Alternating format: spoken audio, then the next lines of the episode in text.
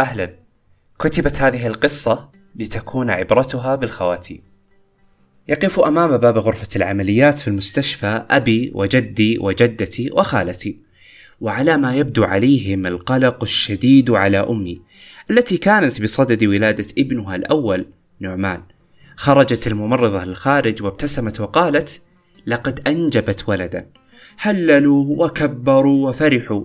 أما في الغرفة التفتت لي والدتي وقالت نعمان لماذا لم تستيقظ حتى الآن؟ ألست متحمسا لصلاة الفجر ثم الذهاب ليومك الأول في المدرسة؟ صرخت بلى وجهزت حقيبتي ومرسمتي وألواني ووقفت عند الباب وأمي تربط على كتفي تقول نعمان اجتهد أريدك بعد 12 عاما تصبح طبيبا دخلت باص المدرسة وجلست بجانب ولد كان يبكي بشكل هستيري وبجانبه رجل كبير. نظر لي الرجل وقال أنا أبو هذا الولد اسمه علي سيدرس الصف الأول اليوم. وأنت؟ قلت وأنا كذلك. أشار لابنه علي أنه حصل على صديق جديد فصديقي الأول هو علي. دخلت المدرسة. رحب بي الأستاذ محمد وأدخلنا الصف الممتلئ بالبالونات والألعاب وأمسك بالطباشير وبدأ يردد. ألف باء تاء.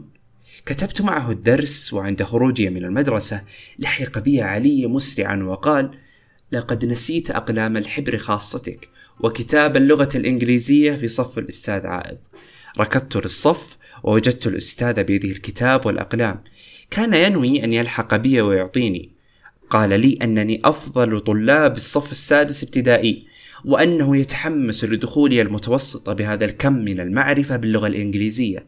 خرجت فرحا بكلامه وركبت الباص. وصلت البيت ودخلت فوجدت أخي يلعب بالكرة وبدأت مشاركته اللعب. فتقدم نحوي والدي قائلا لماذا لم تتجهزوا لعزومة جدكم اليوم؟ تجهزنا سريعا ونزلنا له. أمسك جدي بكتفي وقال كبرت سريعا يا نعمان. من يصدق أنك وصلت الإعدادية؟ أدخل يده في جيبه وأخرج مئة ريال وقال اشتر بها ما يحلو لك. قبلت رأسه فرحا وخرجت بسرعة فارتطمت بأخي حيث أمسك بكتفي بيده اليمنى وبدلة القهوة بيده اليسرى وقال ادخل عند المعزين بسرعة وصب لهم القهوة. دخلت فوجدت عددا كبيرا من الناس بلا عقال مطأطئي رؤوسهم يحوقلون أمسك بي صديقي علي وقال أحسن الله عزاءك في جدك.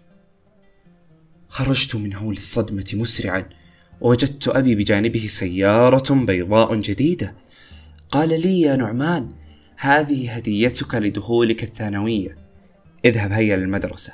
فلقد تأخرت على الاختبار الأول لك في الثانوية.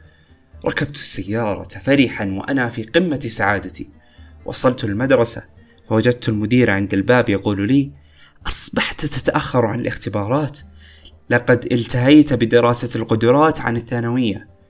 اختبرت وانتهيت من الاختبار. وعدت للبيت فرحا سعيدا. وكان معي صديقي علي. أعدته لبيته لأنه لا يمتلك سيارة مثل سيارتي. وصلت للبيت وجدت أبي الغاضب عند الباب يسألني لماذا كل هذا التأخير؟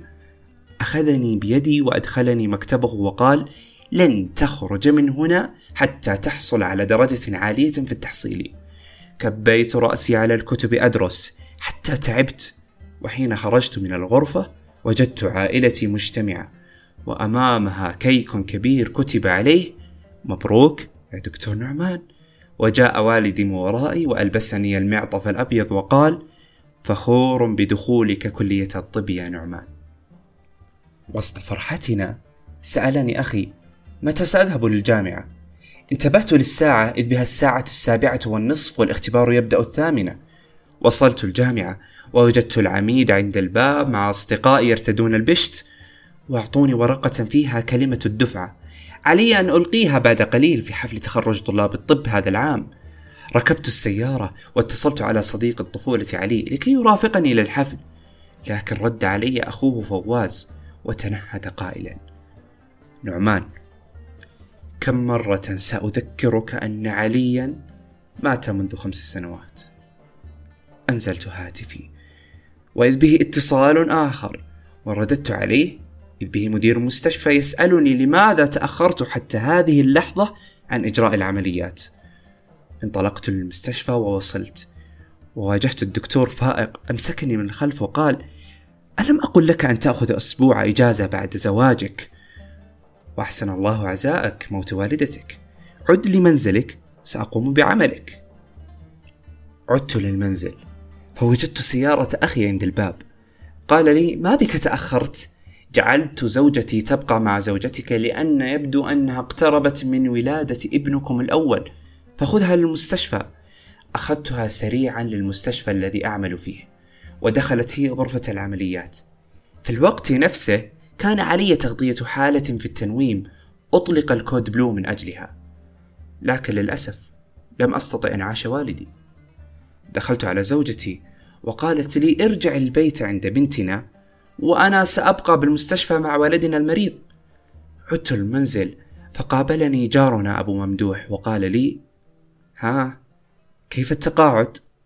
ابتسمت في وجهه ودخلت البيت فوجدت أحفادي يلعبون الكرة في الحوش عدت على سريري ووضعت ظهري على السرير وجاءت حفيدتي ووضعت المغذية في يدي وسمعتها في الخارج تقول لابني يبدو أن نفس المرض الذي أصاب جدتي رحمها الله قد أصابه. دخلت عندي أصغر حفيداتي زينب وقالت جدي احكي لي قصة حياتك. قلت لها يا زينب هات الورقة أكتبها لك. فالكلام سيرحل بعد موتي لكن الكلمات المكتوبة ستذكرينها. جاءت زينب وفي يدها الورقة والقلم. نظرت في الورقة. وفي يدها القلم. قصة حياة؟ ماذا يعني قصة حياة؟ هل تعد الحياة أن تكون مجرد أقصوصة؟ فالقصة أمر كبير والرواية أكبر وأكبر. فأعجب كيف يستطيعون أن يكتبوا سيرتهم الذاتية. بينما حياتي بدأت بولادة فعبادة ثم رحيل. حياتي اعتقدت قبل سنوات أنها ملك لي فكوني أحتوي النفس بداخلي فلقد ملكتها ولكن اكتشفت لاحقا أن لا شيء في الدنيا يبقى. كانوا يقولون لي أن الزمن طويل ولكنه مضى بسرعة حتى أنني أخاف أنني لن أستطيع أن أكمل هذه الرسالة. لكن يا زينب الحياة ما هي إلا أن تولد. وتعمل لتورث عملك لمن بعدك. لن أذكر كم عدو لي فلقد مروا ورحلوا وتصالحت معهم. ولن أذكر كم مرة أخفقت فيها وكم طموحا حلمت فيه وكم حلما زارني في الليل وغاب عني في الصباح. الحياة مليئة بالأحداث العرضية الجانبية فالأكل الذي آكله عرض الشخص الذي أقابله عرض. أشخاص يتعرضون لنا في الحياة ويرحلون. ليسوا حوادثا رئيسية. كثيرا من الأشياء التي ظننتها مفصلية في حياتي.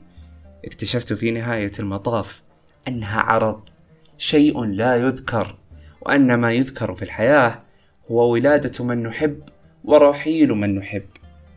حياتي مرت بسرعة شديدة جدا. كل شيء ملكته وظننته ملكا لي فقدته.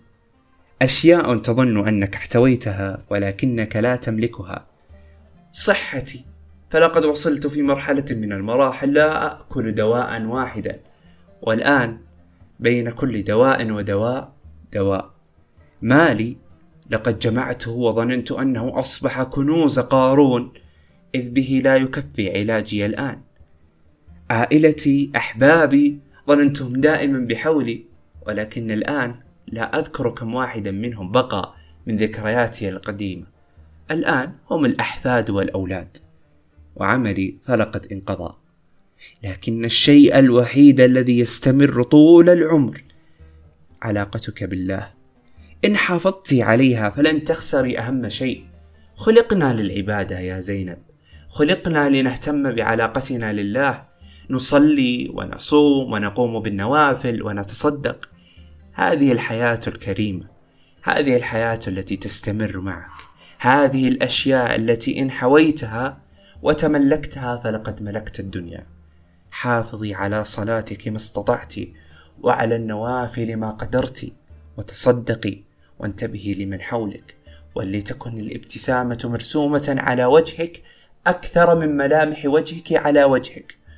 وانتبهي لنفسك ولمن حولك. ولا تفرطي في علاقتك مع الله فإنها هي الحياة منذ بدايتها حتى نهايتها. شكرا لاستماعكم. هذه القصة كتبتها بعدما اعتقدت وتأكدت أن الحياة سريعة جدا للدرجة التي اعتقدت أن لا أشخاص كثير يدركون كم هي سريعة وأن الأحداث الجانبية التي تحدث في حياتنا ستمر بشكل سريع جدا. عليك أن تركز على الأهداف وأهمها علاقتك مع الله. كتبت هذه القصة وقدمتها لكم. أشعر بخوف شديد جدا أن تكون غير مفهومة أو تكون غير مستساغة. ولكن إن شاء الله أن تكون العبرة بالخواتيم. شكرا لاستماعكم. أتمنى أن نالت الحلقة على إعجابكم. وداعا.